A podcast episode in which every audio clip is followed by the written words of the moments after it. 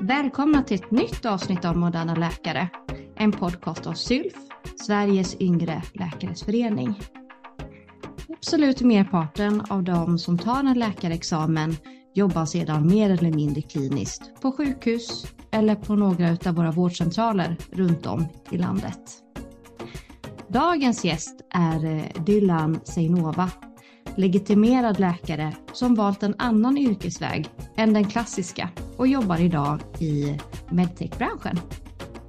Julia Borg heter jag som håller i podden och är chefredaktör för Moderna Läkare och ledamot i SYLF. Men då så Dylan, välkommen!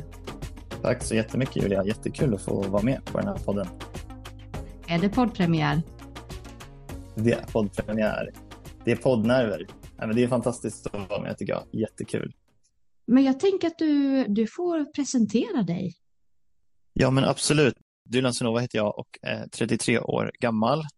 Är legitimerad läkare i botten men eh, gick efter ATn över till, eh, till kan man säga en annan sida av, av eh, eh läkeriet och eh, jobbar nu i industrin i medtech-branschen. Kom det sig att eh, du valde den sidan, om man ska kalla det för det? Det är en jättebra fråga. Det är kul också det där, vilken, hur man ska kalla den här sidan.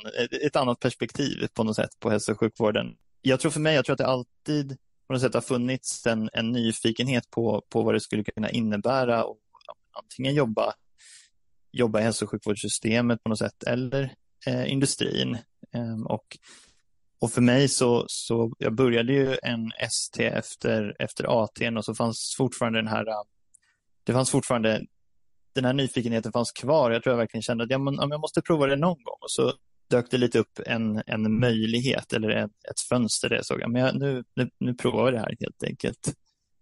Var det någonting som du hade tänkt redan under utbildningen att du ville testa på och, och jobba i industrin eller hur växte den nyfikenheten fram? Jag tror, jag tror någonstans att det hela tiden har funnits med. Sen så hade jag nog inte tänkt att jag skulle eh, börja industrin så snabbt så att säga. Jag hade nog tänkt att jag skulle jobba kliniskt längre, men jag vet att eh, jag har varit på, på en, en karriärkväll där det bland annat var, var managementkonsulter som var med och, och berättade. Jag tyckte det lät ändå lite spännande, lite häftigt att, att jobba från ett annat perspektiv. Men, men framför allt så kände jag nog att jag ville jobba kliniskt. Sen så, så har det helt enkelt vuxit fram hur såg liksom vägen ut då, från examen fram tills att du, du avslutade STN och började i industrin istället? Jag eh, tog examen då eh, 2016 eh, och sen så tog jag ett jättekul eh, ögonvick, för ögon var ju lite det jag var, var inne på.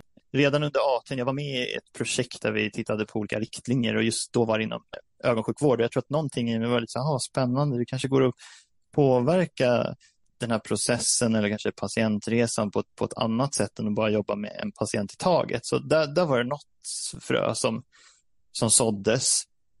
Men jag var fortfarande väldigt eh, intresserad av att börja jobba kliniskt på ögon. Så efter ATIN då så började jag på, eh, började påbörjade en ögon-ST i, i Stockholm. Men jag tror på något sätt lite att det fanns kvar och jag, jag, jag har nog alltid tänkt att ja, men okay, jag vill hitta ett sätt att bäst utnyttja mina förmågor. Jag tror att jag landade, det var någonstans där åtta månader in på hästen, att ja, jag kanske, mina förmågor kanske går att det kanske passar bättre för just mig att göra på ett annat sätt.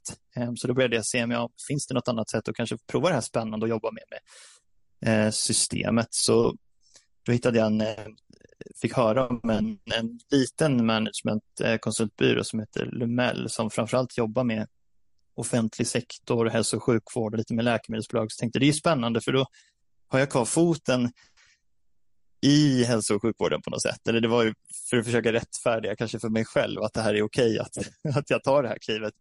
Så jag tänkte att jag gör det, jag går över till, jag provar det, men självklart då okej, hur blir man, hur blir man managementkonsult på det här bolaget? Jo, men det var ju, det var ju bara att sätta sig och plugga och, och göra, för att, för att komma in på en managementkonsultbyrå så behöver du ju klara ett antal case då, intervjuerna så att jag fick, eh, jag, jag pluggade i princip eh, heltid eh, ett antal månader för, för att liksom klara de här casen. Jag hade hört att de var svåra och frågade även lite andra som jobbade i, i managementkonsultbranschen. Och eh, till slut då så, så var jag på de här intervjuerna, jag hade Sonja och jag var överlycklig för att jag, jag fick jobbet där helt enkelt och fick under den tiden jobba väldigt mycket med offentlig sektor, mycket med, med regioner, kommuner, SKR, till viss del socialdepartementet eh, och, och, och, i ett av projekten då så, så kom jag i kontakt med eller ett, ett läkemedelsbolag då eh, och tyckte det här var ju också spännande för jag hade ju inte sett förut att farma faktiskt var ett, ett område som farma då, alltså läkemedelsbolagen var ett område som man också kan göra skillnad för, för patienter. Jag tänkte det här var ju kul. Um, och på något sätt så hade jag nog ganska så mycket fart framåt att jag, jag tänkte nog inte ah, att jag ska gå tillbaka till kliniken. Jag tänkte jag vill utforska mer. Jag vill veta vad som mer finns. God hjälp av, av en vän som hade gjort ett sånt här steg in i farma. Så jag kunde fråga och också få, få liksom en, en jättefin skjuts in i den här processen. Då. Hamnade i, eh, på, på Novartis då, som är ett, ett stort läkemedelsbolag eh, inom hjärt och kärlområdet. Eh, och eh, någonting som kallas för medical affairs. Och det är väl det är den medicinska sidan helt enkelt av, av ett läkemedelsbolag. Ehm, och det tycker jag var jättespännande, det var jättekul. Hjärt och kärl är ett jättestort område och det känns som att det fanns möjlighet att, att göra ett stort avtryck verkligen på, på den här patientgruppen och återigen att få se att det faktiskt fanns andra sätt för, för någon som kanske trivs, ehm, trivs med någonting annat än det kliniska arbetet. Just för mig så, så har ju det verkligen gjort att jag har känt att jag har kunnat landa i någonting där jag kan göra bäst nytta.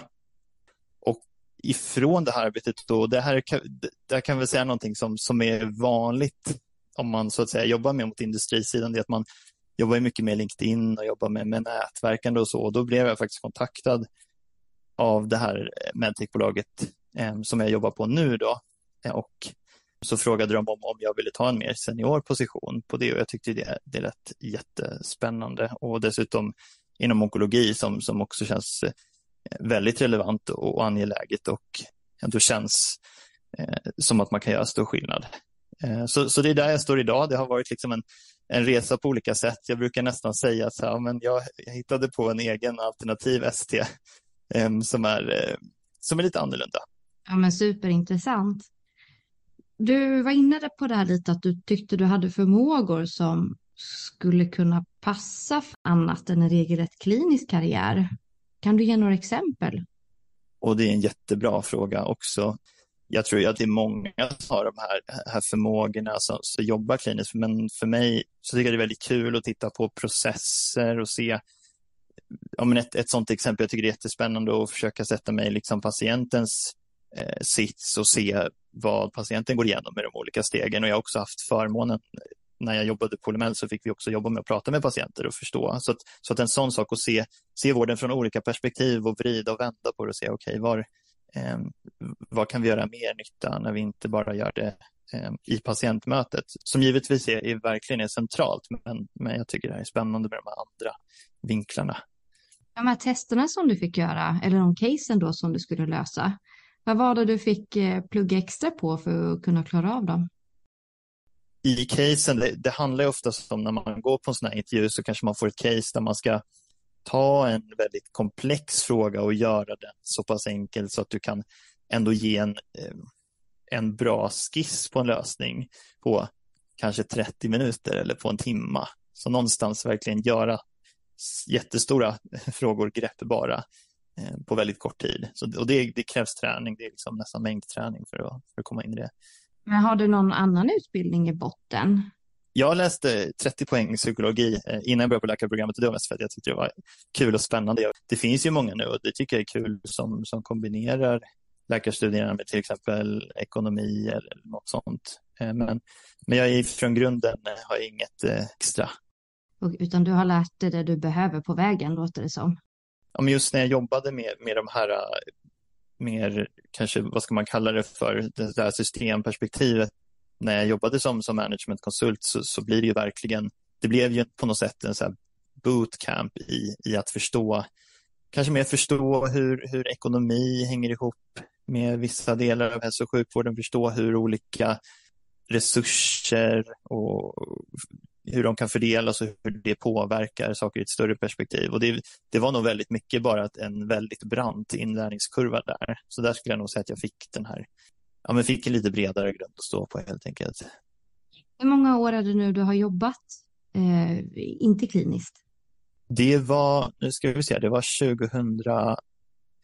2019 började jag jobba då på Polymel så att eh, ja, det blir väl därifrån.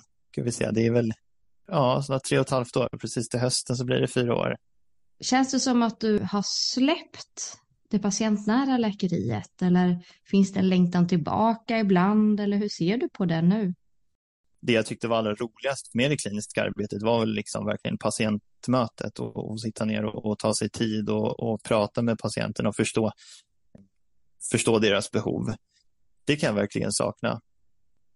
Jag tror mer än vad jag trodde faktiskt att, att jag kan komma ganska nära. Det är inte med enskilda patienter, men, men man kanske man kanske hör ett föredrag ifrån en patientorganisation eller i vissa fall som om man är om man jobbar liksom medicinskt på ett läkemedelsbolag, då, då har man också dialog, medicinska dialoger med eh, kliniker som, som använder de produkterna som man jobbar med för, för att stötta dem. Eh, och i sådana fall, i de fallen så kommer man ju ganska nära kliniken. Så, så, så både och kan man väl säga. Tror du att du kommer jobba som klinisk läkare igen? Eller har du lämnat det bakom dig? Det är en jättebra fråga. Som det känns nu så är det, jag är mer nyfiken på att liksom fortsätta utforska på den vägen som, som jag har eh, gått hittills. Jag tycker det är jättespännande det jag gör nu och jag vill liksom fortsätta växa och utvecklas i det. Samtidigt så, man ska aldrig säga aldrig och jag menar, det är väl det som på något sätt är, är fördelen här att, att det, det går ju alltid att att, eh, gå tillbaka, om vi ska använda det uttrycket. Eh, det finns alltid möjlighet att eh, jag, jag vet flera som, som har varit men antingen i industrin eller jobbat på något annat sätt utanför den kliniska vardagen och sen, sen gjort det steget. Ehm, men, men för mig personligen så känns det mer som att jag är ännu mer nyfiken på att bara fortsätta helt enkelt.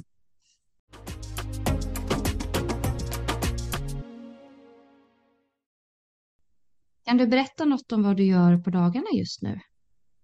Som medicinsk eh, person i, i ett, oftast i ett, i ett läkemedelsbolag eller ett, ett medtechbolag så, så är man, eh, skulle jag säga, bryggan mellan både hälso och sjukvården men också liksom den akademiska delen av eh, vården mot företaget.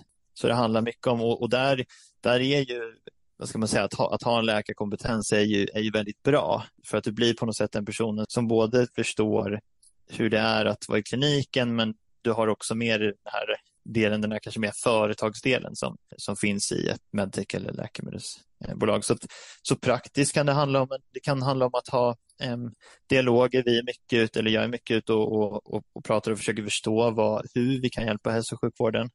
Den medicinska avdelningen skulle jag säga att jag tror läkemedelsbolag och, och till viss del också medtech kanske man förknippar väldigt mycket med en säljs. Men jobbar man inom då medical affairs så handlar det ju om att, att skapa partnerskap med, med hälso och sjukvården och förstå vad, men vad har de för behov och sen så kan jag gå tillbaka med det och försöka matcha det mot det vi kan erbjuda och, och kanske de intressena som finns eh, från, från mitt företag.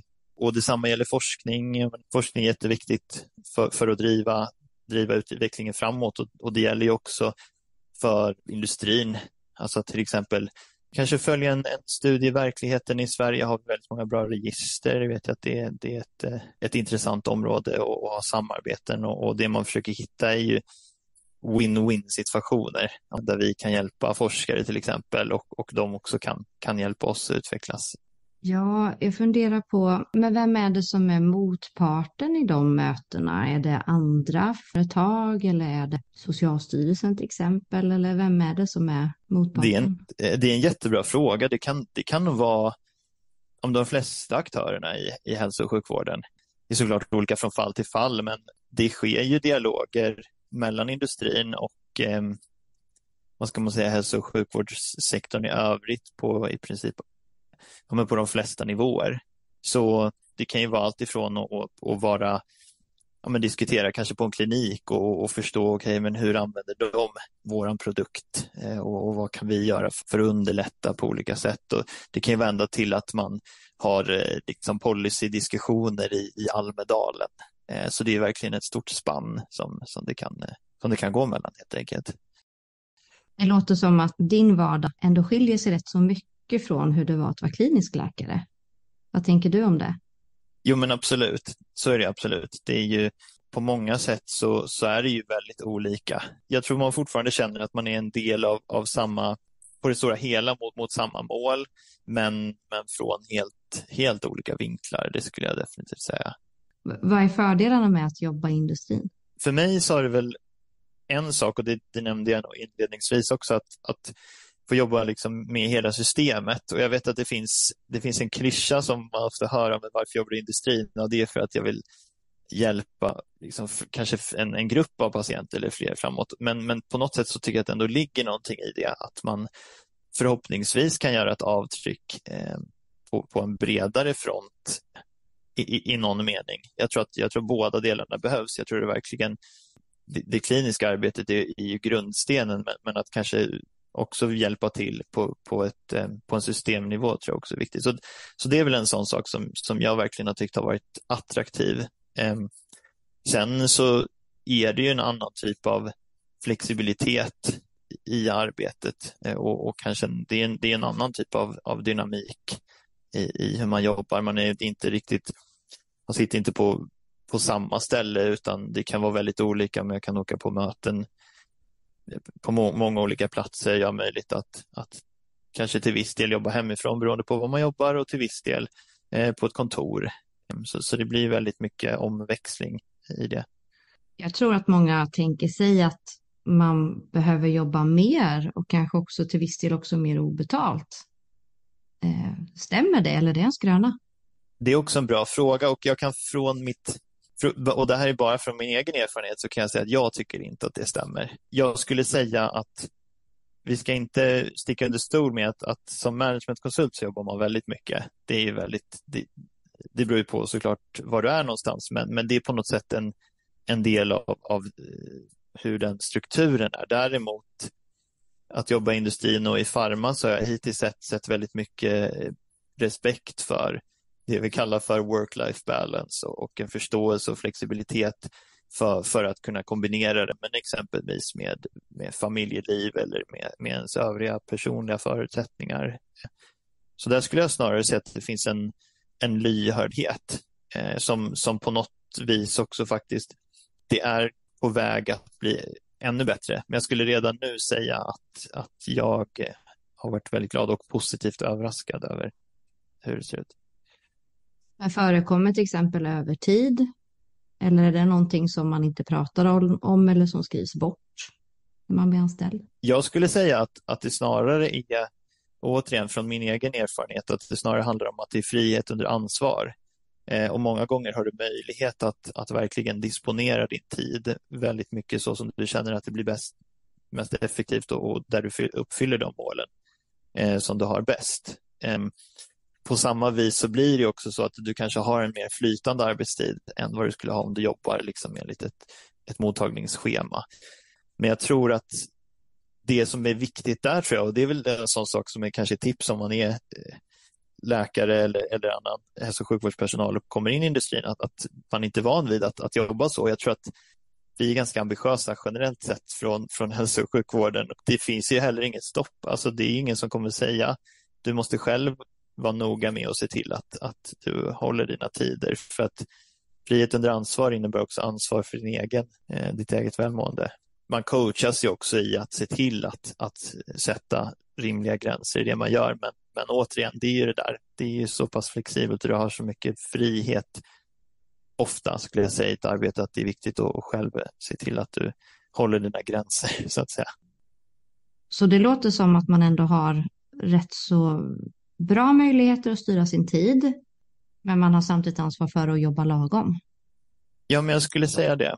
Eh, och sen så, så är det ju självklart så här att jag tror, jag tror också att det är nog många som, som, som känner igen det som jobbar i industrin, att det också finns en dynamik såklart över tid. Det kan finnas mer intensiva perioder där man jobbar mer och, och perioder som är, är eh, inte lika intensiva. Men, men som sagt, jag tror, eller där jag har jobbat så har det varit alltid varit möjligt att ha en dialog med, med sin chef exempelvis och säga men så här, så här ser förutsättningarna ut och verkligen planera framåt tillsammans. Eh, man blir ganska duktig på att eh, hantera sin tid och lära känna vilka resurser man själv har. För mig har det inneburit att så länge du har, har den dialogen och liksom tänker framåt så, så har det funkat väldigt bra. Har du koll på hur många läkare som, eh, som jobbar inom medtech eller farma? Man skulle kunna ge någon sån här konsultgissning nästan, Nej, men jag, jag vet faktiskt inte riktigt hur det är, men jag skulle vilja säga att det ändå det lätta svaret är att det är för få, för att det, det, finns, ett, det finns ett ganska högt sug efter, efter läkare i, i industrin. Bland bara av personlig erfarenhet så ska jag säga att det är fortfarande relativt få av dem jag känner. Eh, det finns ändå en del, vilket är jättekul och jag hoppas att det blir fler. Men, men jag vet faktiskt inte. Det är säkert någonting som Industriläkarföreningen har någon typ av pejl på, kanske. Men är det ett sug även efter liksom, icke-specialiserade läkare och läkare som inte har disputerat? Ja, jag skulle ändå säga det. Så är det såklart att du behöver på något sätt komma in och kanske ha någon, någon typ av vinkel. Nu hade jag jobbat mycket med det svenska hälso och sjukvårdssystemet från ett annat perspektiv och det gjorde mig väldigt attraktiv, tror jag, i, i, i slutändan så har, har, har det varit lite min, min edge. Då mm. som, som managementkonsult så, så jobbade vi väldigt mycket med bara förstå hur regionerna fungerar, hur styrs de, hur går, hur går de här leden från från politikerna till tjänstepersonerna ner till liksom, eh, vad, vad, vad händer i en eh, process med, med TLV till exempel? Eller vad, vad är egentligen de personcentrerade sammanhållna vårdförloppen? Sådana saker som många läkemedelsföretag tror jag och framförallt kanske om det är företag eller and, andra industriföretag som kommer från, från andra länder eh, så har ju Sverige ett, ett komplext system och eh, det har, har ju inneburit att kunna gå in och, och hjälpa till och, och eh, på något sätt sätta kartan för de som inte har så bra koll. Eh, så för mig har det varit eh, verkligen värdefullt. Eh, tillbaka till din fråga.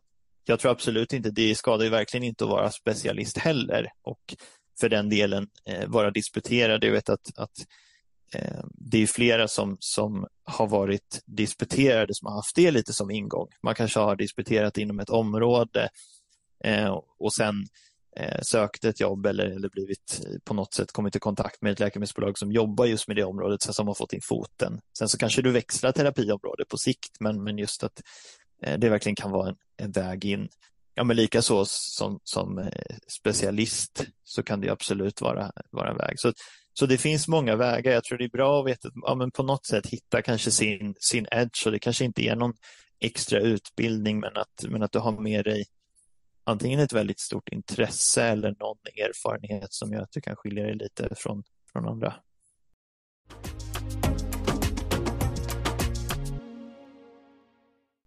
Det är ju ändå positivt att höra att det, det behövs fler läkare i din bransch också och att man inte måste vara superspecialiserad. Varför ska man då välja en icke-klinisk karriär?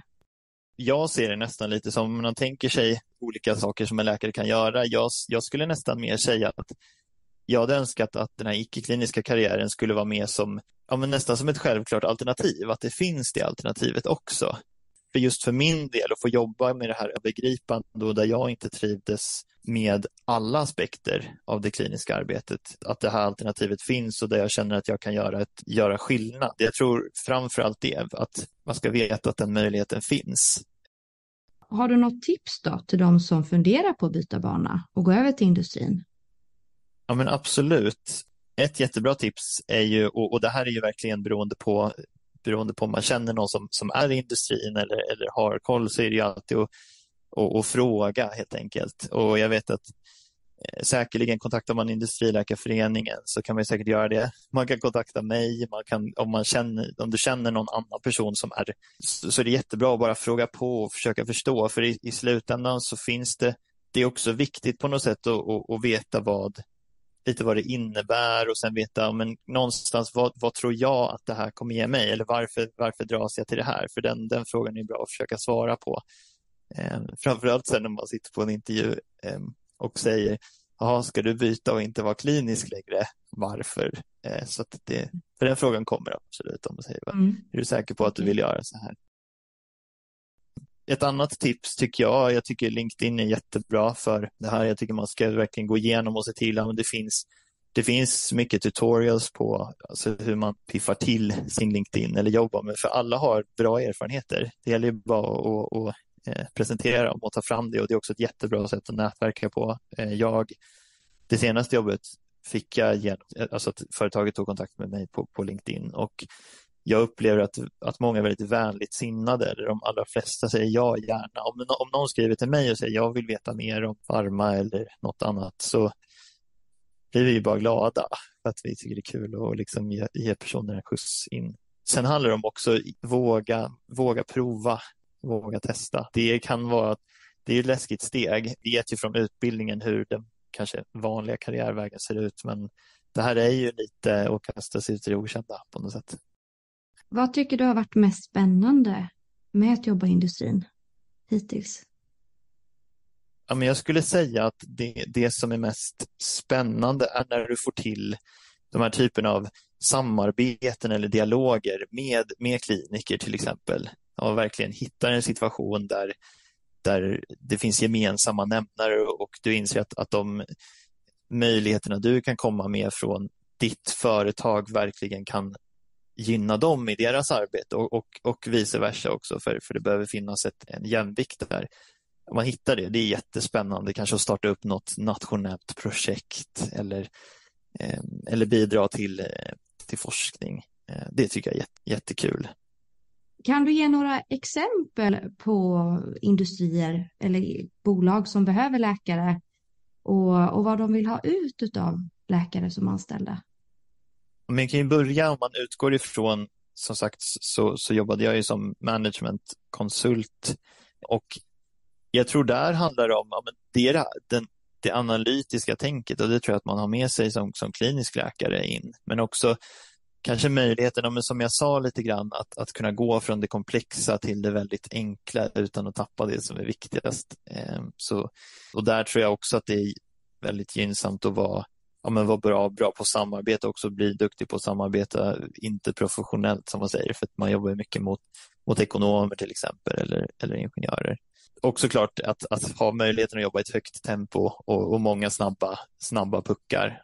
Och sen så tänker jag på, på läkemedelsbranschen då eh, och från mitt perspektiv då så är det medical affairs, den medicinska avdelningen och det är väl där du kanske initialt eh, hamnar om du är läkare och jag skulle vilja säga att där handlar det väldigt mycket om att kunna projektleda. Jobbar du på den medicinska avdelningen så är det troligt att du får den typen av ansvar för att just det medicinska arbetet är en av grundstenarna, eller nästan ryggraden i arbetet med de olika produkterna. Det har gått i ett skifte från att vara mer kommersiellt till att just bli mer medicinskt drivet i, i många bolag.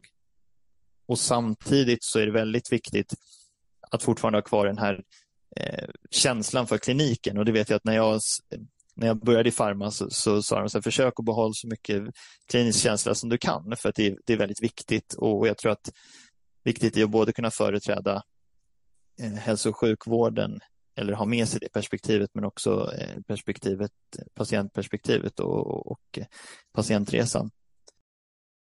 Sen tänker jag på en annan eh, väg som, som är ändå lite bekant med, jag, jag, känner personer som, som har gjort det, det är att man går in mer i kanske en, får en mer ekonomisk touch på, på, sin, på sitt arbete. Och då, då är det ju som exempelvis att, att jobbar inom investeringar på, på ett investeringsbolag. Eh, och många av de läkarna har ju också tillgodogjort sig någon typ av ekonomisk utbildning. Det är inte alla som har gjort det, men, men att du exempelvis har läst på en handelshögskola, eh, mm. åtminstone en kandidat. Eh, och det är jättespännande och det, det, på något sätt har, har, du den, har du det intresset och är intresserad av att till exempel jobba med att värdera investeringsmöjligheter inom hälso och sjukvården eller inom medtech så är det ju är jättespännande. Och sen så tänker jag också på en annan bransch som jag tror absolut har ett behov av läkare. Det är, det är medtech-branschen. Medtech-branschen är väldigt bred. Men exempelvis inom digitala lösningar eller olika typer av devices eller apparater då kopplat till mm. hälso och sjukvården. Och där skulle jag väl säga att generellt sett att kunna vara just den här bryggan in i hälso och sjukvården. Och när jag har pratat med, med andra kollegor som, som har gjort ett steg åt det hållet så, så har de sagt att ja, men det behövs nästan någon från hälso och sjukvården som faktiskt kan kommunicera med hälso och sjukvården och företräda det här medtech-företaget och, och förstå de faktiska behoven. Mm. Så just kunna vara med och översätta och det, är ju egentligen, det gäller egentligen inom alla alla områden. Men Dylan, det har varit fantastiskt spännande att få prata mer med dig om vad man kan göra som läkare på annat håll än på sjukhus och vårdcentraler. Man kunde kontakta dig om man ja. var intresserad av att, eh, att förhöra, förhöra sig mer om vad man kan göra. Självklart. Ja, men just det här första frågan, att vara så här, men hur, om jag nu är intresserad av, av att göra den här typen av karriär eller testa, hur gör jag, vilket, mm. vilket steg tar jag först? Så tror jag verkligen på det här tipset, hitta, hitta någon som du kanske kan ha lite som en eh, handledare. Och som sagt, när är inte någon i er närhet så, så kan ni höra av er till mig. Jag skulle bara bli glad om jag fick, eh, fick folk i, eh, att folk skrev. Jag hjälper gärna till. Hur når man dig då? Det lättaste skulle jag säga, och det här kommer jag också peppa de som inte har LinkedIn till att, till att skaffa det. Och jag är absolut inte, vad ska man säga, jag är inte sponsrad av LinkedIn, men jag tycker det är ett sånt bra sätt att kommunicera. Eh, skriv till mig på, på LinkedIn. Ni behöver inte ha en superflashig profil, men det är ett jättebra sätt och det är också det är där jag på något sätt har koll på alla kontakter. För om man mejlar eller, eller skriver på annat sätt så, så brukar det vara svårare att, att hålla ordning på det om ni inte har LinkedIn, fixa det och sen så eh, kan ni bara skriva till mig så lovar jag att svara. Vet du några som är ute och rekryterar just nu efter kompetenta läkare? Jag skulle säga att det är ganska högt. Eh, det är många tjänster ute. Sen gäller det att försöka navigera i, det och vad allt innebär. Det är ganska mycket konstiga termer som, som inte är så lätta. Men det är mycket ute eh, faktiskt. Mm. Och det är, väl en fördel i, i industrin eller i, i farma exempelvis att det behövs ofta mycket folk. Framförallt läkare skulle jag säga. Tusen tack. Tack själv. Tack för att jag fick vara med.